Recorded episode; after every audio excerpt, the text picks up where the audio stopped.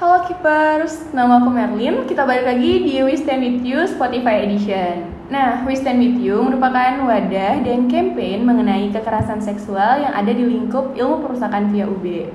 Uh, yuk cari tahu dengan narasumber kita kali ini kita bersama Kak Fadila Rama yang merupakan menteri dan dari Kementerian Pemberdayaan dan Perlindungan Perempuan. Halo Kak Fadila. Halo Kak Merlin. Aku enaknya panggilnya apa nih? Uh, Panggil Dila aja boleh. Oke. Okay. Uh, Dila, uh, Kak Dila dari uh, fakultas apa? Aku dari Fakultas Hukum angkatan 21. Oke, untuk kesibukannya akhir-akhir ini kira-kira ngapain tuh? Sibuk, sibuk ngapain ya? sibuk nggak sih? Aku cuman sekarang aku lagi di fokus di Kementerian P3 aja sekarang. Oke kak, mungkin kita bisa kan kakak dari Kementerian P3 nih. Uh, mungkin ada yang belum tahu kali ya P3 itu apa. Jadi P3 itu merupakan salah satu kementerian di MUB yang merupakan Kementerian uh, Pemberdayaan dan Perlindungan Perempuan, betul ya kak? Betul. Nah, kenapa aku mau tahu nih kenapa kakak uh, milih Kementerian P3 ini di MUB dari sekian banyaknya kementerian? Ini aku jelasin sejarahnya nih. Boleh. Oke. Okay. jadi tuh ini tuh berawal dari uh, rasa keinginan tahun aku ketika SMA jadi waktu kelas 11 itu kan aku dari IPS dari Soshum nah waktu kelas 11 dulu tuh udah gencer isu-isu sosial politik hukum gitu kayak DPR sembarang macam. Terus uh, mahasiswa turun ke jalan. Abis itu uh, aku cari tahu banyak. Nah, salah satunya itu ada eh, masalah-masalah uh, isu keperempuanan ya kan. Nah dari situ tuh aku tertarik tuh di isu-isu keperempuanan. Cuman ketika aku SMA itu belum banyak uh, apa ya semacam organisasi ataupun NGO tuh yang bisa mewadahi aku. Ketika aku masuk kuliah di UB itu kan aku ada tugas ngewawancarain cutting gitu kan. Aku sharing-sharing ternyata di fakultasku tuh ada biro keperempuanan itu di BEM Eva dulu. Nah, akhirnya waktu oprek aku daftar di biro keperempuanan dan aku anaknya cukup idealis ya. Jadi tuh kan mungkin teman-teman dulu daftarnya aku pilihan satu uh, semisal Sosma, Kastrat, uh, P3 gitu. Aku tuh kayak aku cuma mau masuk biro keperempuanan. Jadi aku pilihan satu dua itu biro keperempuanan kan. Terus aku keterima di biro keperempuanan. Habis itu lanjut uh, staf ahli karena kan staf muda tuh cuma berapa bulan doang. Aku lanjut staf ahli aku uh, ngeliat waktu itu karena ada masalah KS di UB yang cukup uh, gede banget. Nah akhirnya itu kesorot Kementerian P3EM-nya aku baru tahu oh ternyata di lingkup univ uh, lingkup eksekutif universitas tuh ada juga Kementerian P3 yang lebih mungkin lebih besar. Karena waktu aku di staf muda di BEM itu masih biro gitu kan. Akhirnya aku waktu staf ahli mutusin aku coba di EM lah gitu. Karena kan lingkupnya di universitas ya kan. Aku daftar di dulu namanya Kementerian Pemberdayaan perempuan progresif P3 juga. Cuman beda diksi aja. Aku daftar keterima dan aku juga idealis banget dulu karena aku uh, sempat ditanya kan sama menteriku waktu screening ini kamu cuma daftar satu aja? Iya kak aku cuma daftar P3 aja gitu kan. Terus oh ya udah. Nah alhamdulillahnya menteriku tuh itu dari fakultas hukum juga. Jadi kita ngobrol itu connect gitu loh. Kita banyak ngobrol terus akhirnya oh ya udah aku diterima tuh di P3 Nah, aku tuh dulu waktu staff ahli itu 50% offline, 50% online. Jadi ketika ada uh, kesempatan, misal ada kegiatan training ataupun workshop apa, aku pasti ikutin. Waktu aku jadi staff ahli itu tuh yang aku rasain uh, bedanya waktu aku jadi staff muda adalah mungkin kesempatannya lebih banyak kali ya. Waktu aku jadi staff staff ahli di EM itu aku langsung disuruh ikut uh, peer counselor, peer counselor ya kan. Sama menteriku tuh langsung disuruh ikut peer counselor yang ngadain layanan konseling UB. Dari situ aku ngerasa kayak aku klek banget nih sama P3 gitu kan. Akhirnya ada banyak kegiatan lain yang aku ikut akhirnya aku dapat bekal banyak di P3 dan uh, waktu lanjut BPH aku mutusin buat tetap lanjut di P3 gitu cuman mungkin sekarang karena beda kabinet uh, lebih banyak inovasi aja sebenarnya sama aja sih uh, namanya dari pemberdayaan perempuan progresif sama perlindungan dan pemberdayaan perempuan itu sama aja Oke kak, berarti kalau dari tadi kan uh, pasti di Kementerian kakak nih udah bener-bener gak asing ya sama yang namanya KS atau kekerasan seksual. Nah, uh, menurut kakak nih, apa sih kekerasan seksual itu? Terus dampak dari kekerasan seksual itu bagi korban atau penyintas yang mengalaminya itu gimana kak? Uh, kekerasan seksual sendiri, kalau menurut aku tuh suatu apa ya tindakan yang mengancam, uh, merendahkan uh, uh, harkat martabat seseorang atau tubuh atau hasrat seksual yang uh, ada unsur ancaman di dalamnya dan juga ada ketimpangan relasi kuasa. Nah, untuk dampaknya sendiri mungkin teman-teman pasti juga tahu dampaknya tuh pasti nyerang psikis dan uh, mungkin aku sharing dikit aja ya. Sebenarnya dampak dari kekerasan seksual yang paling yang paling parah adalah itu bisa mengubah uh, korban itu jadi pelaku kayak gitu.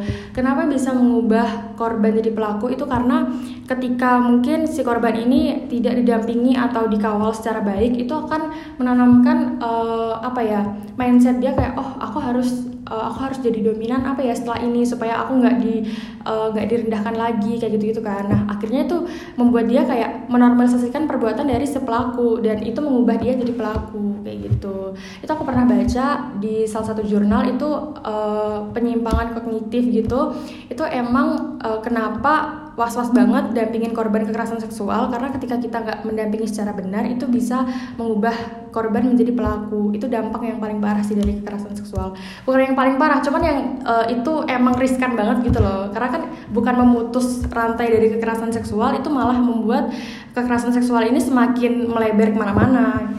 Karena adanya uh, apa ya mungkin miss dari pendampingan itu tadi gitu. Cukup ngeri juga ya jadi uh, dampak yang udah disebutin sama Kadila tadi tuh kayak bisa ya jadi kayak dia di awalnya korban terus dia uh, jadi pelaku. Jadi bener-bener ngatasin kekerasan seksual ini tuh nggak bisa yang sembarangan gitu ya uh, terus ya kak di kementerian kakak nih ada nggak sih uh, program atau kegiatan yang udah dilakukan untuk meningkatkan kesadaran tentang kekerasan seksual terutama di UB karena ini menyangkutnya di EM ya eksekutif mahasiswa kalau untuk program, uh, teman-teman bisa cek aja di Instagram kita di @pemberdayaan_perempuan UB. Itu kita uh, ada jadwal rutin untuk ngepost uh, video ataupun narasi-narasi ataupun catatan kritis dan juga infografis tentang kekerasan seksual ataupun eh, hal-hal uh, terkait keperempuanan lain. Nah, kita tuh biasanya pakai isu-isu momentual kayak misal contohnya Hari Nelayan kayak gitu ya.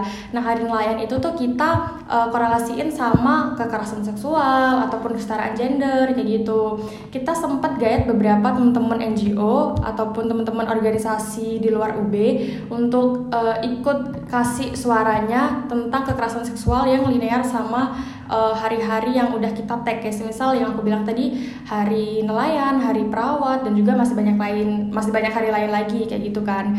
Aku sempet sharing-sharing sama uh, kayak volunteer gitu terkait hari nelayan, gimana sih kekerasan seksual yang ada di daerah pesisir sana ataupun di dekat-dekat kita kan ada Malang Selatan tuh banyak pantai itu kondisinya gimana dan sebenarnya apa ya uh, sangat memprihatinkan banget karena oh, mungkin teman-teman mahasiswa tuh lihat oh sekarang tuh orang tuh udah banyak yang aware udah banyak yang tahu soal uh, feminisme kekerasan seksual kayak gitu-gitu. Ternyata masih banyak juga daerah-daerah tuh yang belum terjangkau sama edukasi ataupun advokasi salah satu contohnya tuh di daerah pesisir. Makanya aku sama teman-teman P3 itu uh, kita ngetek hari di mana itu kayak hari-hari momentual gitu supaya kita tuh bisa secara rata. Kayak misal oh kita bahas kekerasan seksual kekerasan seksual itu di uh, bidang nelayan dan juga kita bahas kekerasan seksual di bidang uh, penari atau di bidang perawat yang mungkin orang-orang tuh pasti kayak apa sih? Kayak cuman gitu doang. Padahal secara nggak langsung kan kayak uh, sekecil penari sering di catcalling. Itu kan mungkin orang nggak aware kayak gitu ya. Nah aku tuh pengen mulai hal kecil itu sama teman-teman P3 jadi kita udah bikin semacam RTL untuk kita apa ya tag hari-hari supaya bisa relevan sama isu KS yang mau kita bawa. Dan kita juga gandeng teman-teman supaya bisa ikut bersuara juga. Kayak kemarin hari perawat kita sama teman-teman perawat UB itu kita wawancara cowok juga untuk kesetaraan gendernya dan juga uh, untuk isu-isu KS-nya kita kaji kayak gitu. Ya berarti isu-isunya juga dibawain sama hal yang lagi update gitu ya, ya hari ini biar uh, nyambung gitu. Nah selanjutnya nih kak, uh, apa ada ya layanan khusus yang disediakan oleh Kementerian P3 bagi korban kekerasan seksual kayak misalkan konseling atau perlindungan hukum atau uh, berupa wadah pelaporan? uh, kita tuh punya uh, semacam apa ya yang layanan khusus itu namanya lekas pulih. Jadi ini tuh udah ada turun temurun dari P3 dulu sampai sekarang. Nah, uh, untuk sekarang itu bedanya kita lebih branding lebih masifin kayak gitu loh. Karena kan kalau dulu tuh masih online orang tuh masih nggak tahu kalau di UB tuh ada layanan konseling dan juga ada layanan aduan khusus untuk kekerasan seksual kayak gitu kan.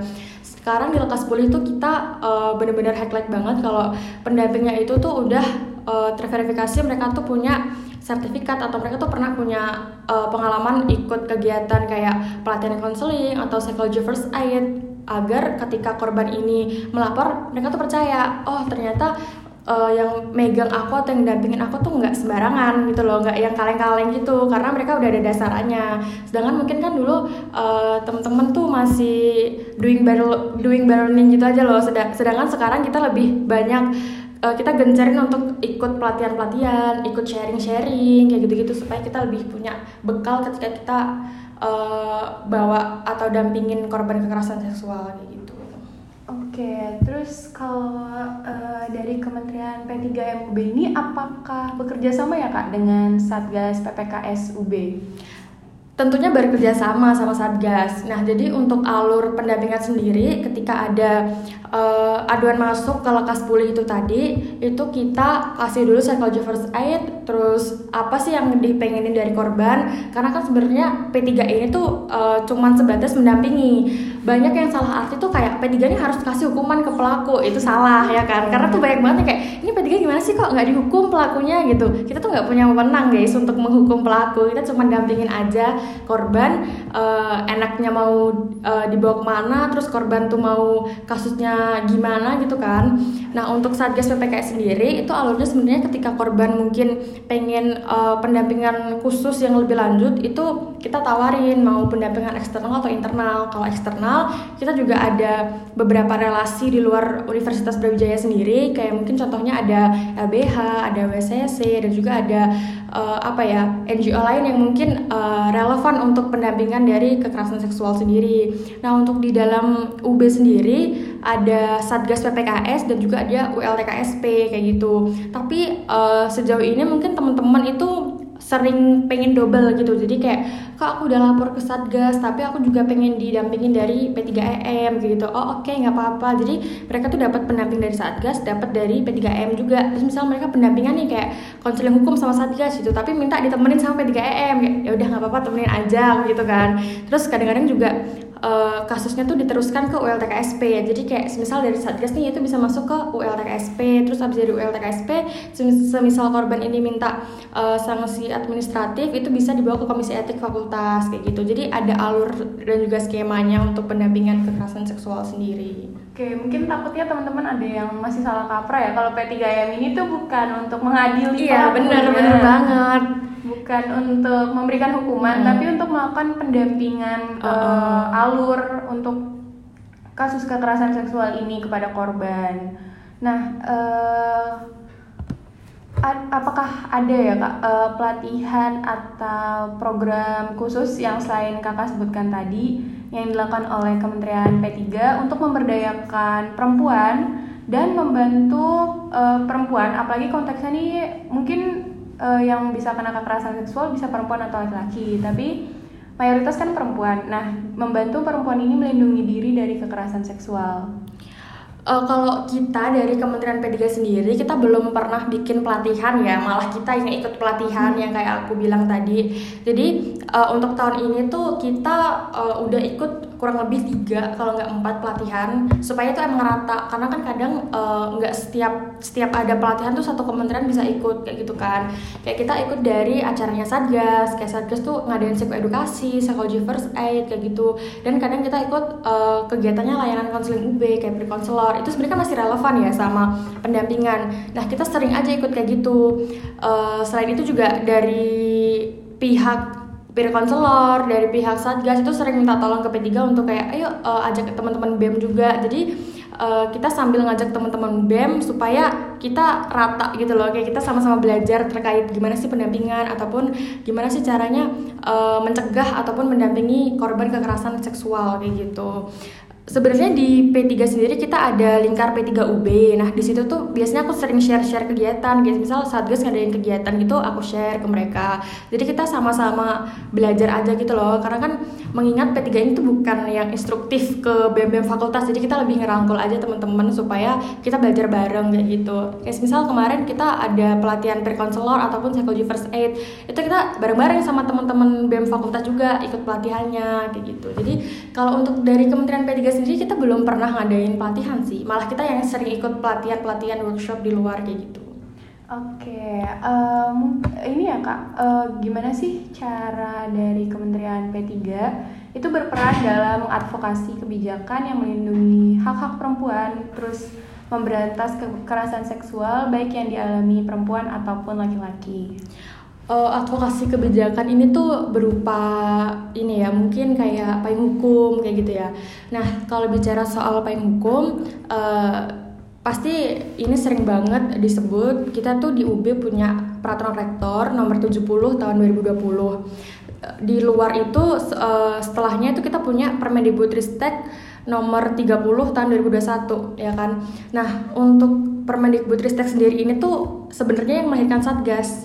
Jadi uh, landasan kenapa satgas ini bisa ada itu karena adanya Permendikbudristek. Sedangkan uh, bicara soal ULTKSP itu lahir dari Pertor 70 tahun 2020. Makanya yang uh, aku sebut tadi itu kenapa P3 melayangkan kritikan? Karena kan sebenarnya kita tuh udah punya ULTKSP yang lahir pada tahun 2020 hingga sekarang kenapa kok belum masif? Sedangkan Satgas ini yang baru uh, ada September 2022 kemarin tapi uh, Satgas ini udah bisa bikin kegiatan sosialisasi sampai dapat predikat terbaik.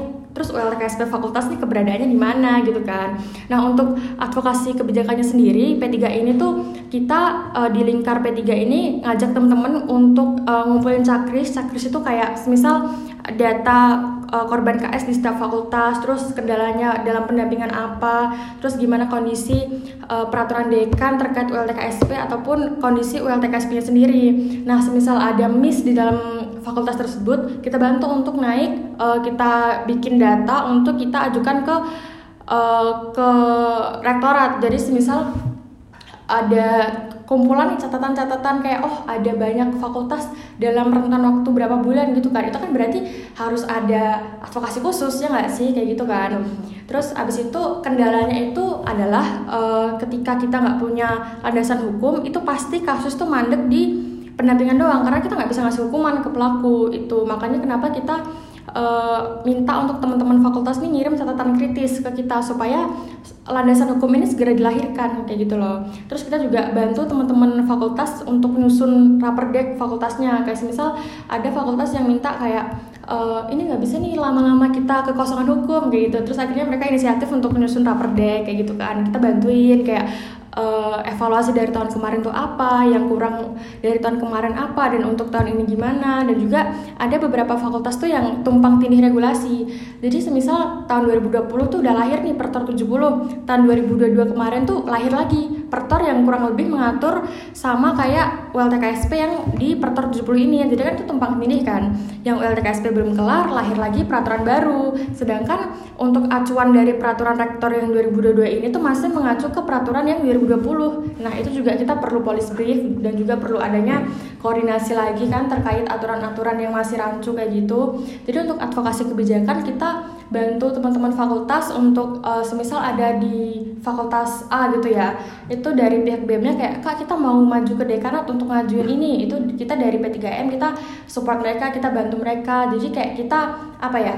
Uh, ngikut dari fakultasnya gitu loh. Dan juga kita jemput bola. Semisal nih uh, kita ngelihat dari P3M ngeliat kok eh ini ada kasus nih di fakultas tapi eh, nggak uh, jelas gitu kan ya. Maksudnya kayak masih rancu gitu. Abis itu uh, mungkin kita tanya nih ke teman-teman fakultas ada kendala atau kesulitan nggak? Kayak misal ada kendala atau kesulitan tuh di bagian apanya? Semisal oh kasusnya mandek di komisi etik karena nggak ada aturannya. Terus kita tanya dari teman-teman mau ada advokasi apa? Semisal pengen ngajuin raperdek atau uh, ngajuin apa gitu. Nah itu kita baru bantu kayak gitu. Jadi berdasarkan kesepakatan aja. Dan kita ngepush mereka gitu supaya mereka uh, apa ya awareness tentang pentingnya adanya perdek di setiap fakultas terkait ULTKSP Oke kak, nah uh, kan udah sekitar hampir setengah tahun ya, setengah periode Iya. nih, periode kepengurusan.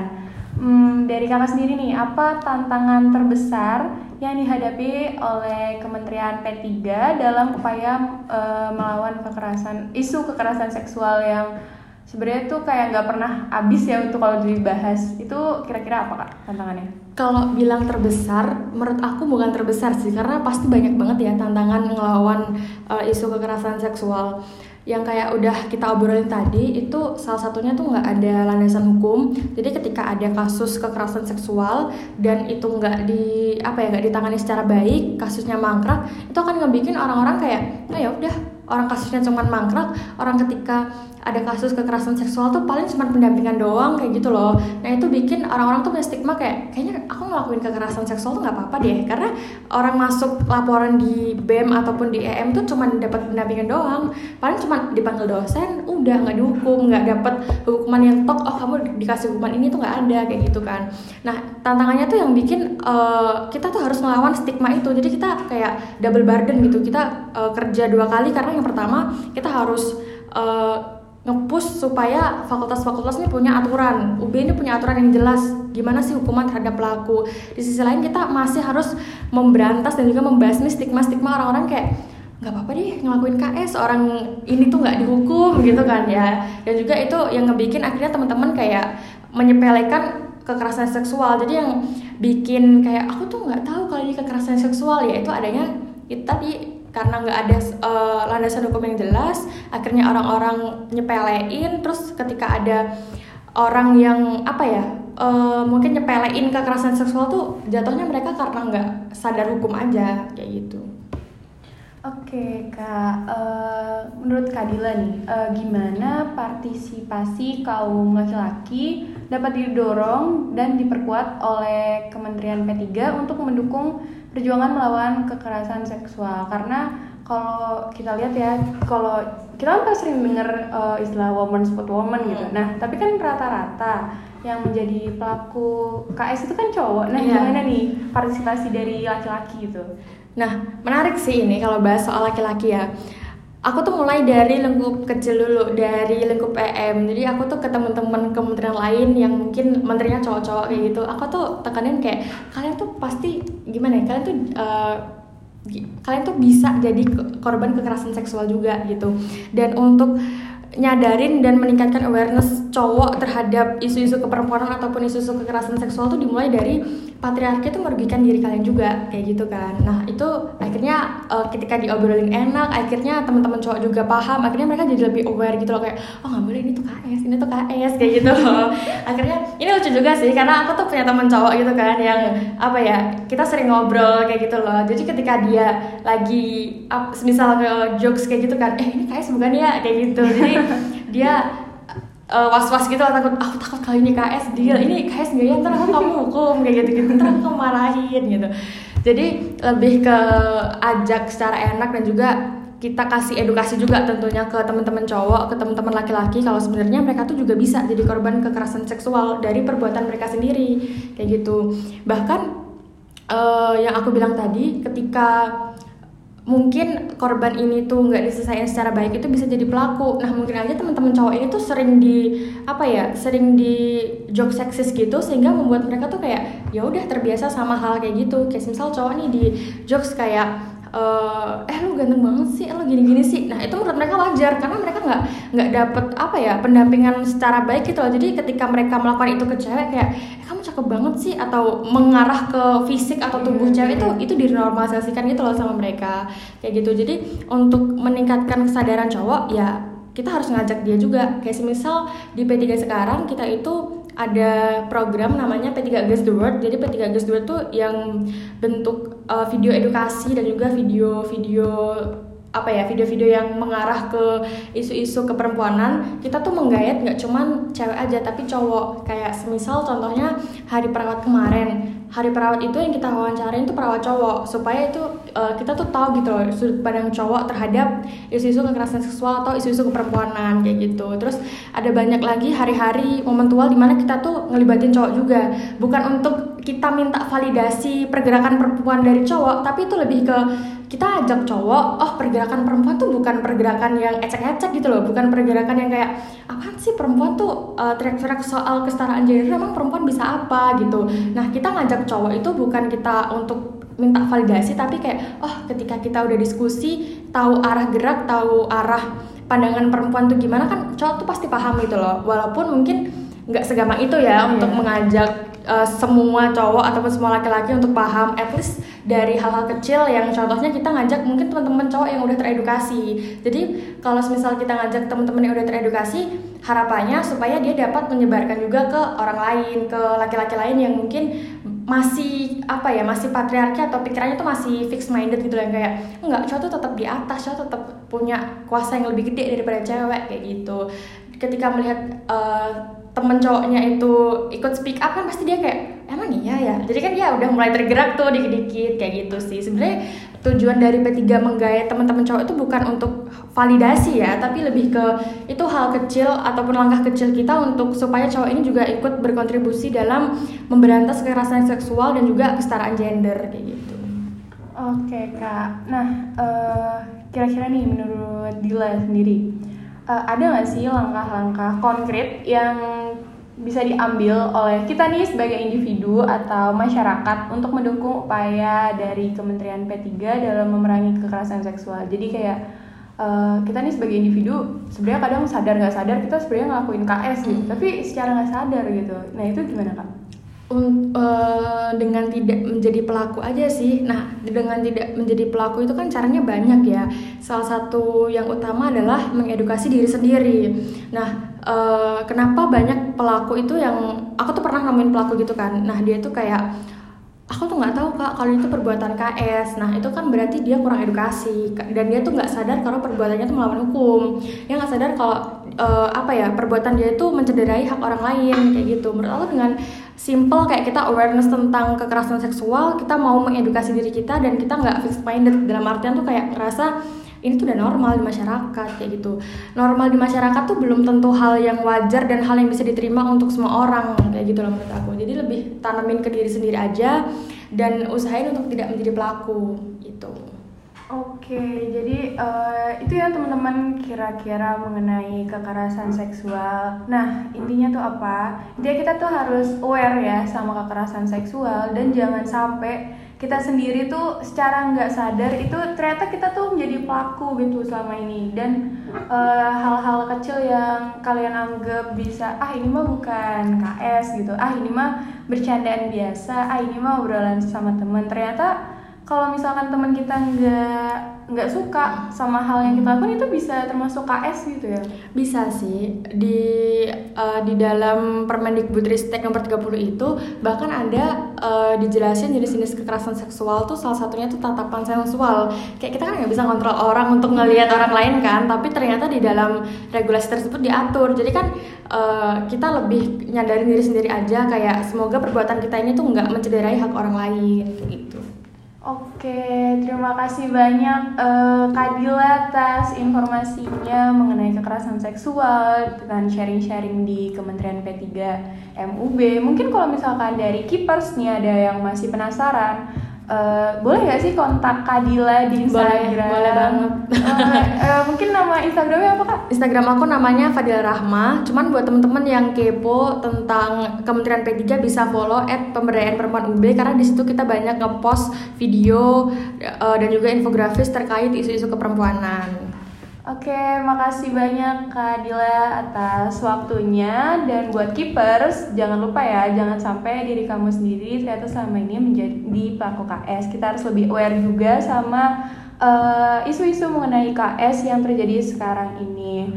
See you next time di We Stand With You edisi selanjutnya. Dadah keepers. Dadah, thank you. Oke, okay, udah kelar. Alhamdulillah. Alhamdulillah. Ini di pos Agustus ya? Iya, di pos Agustus.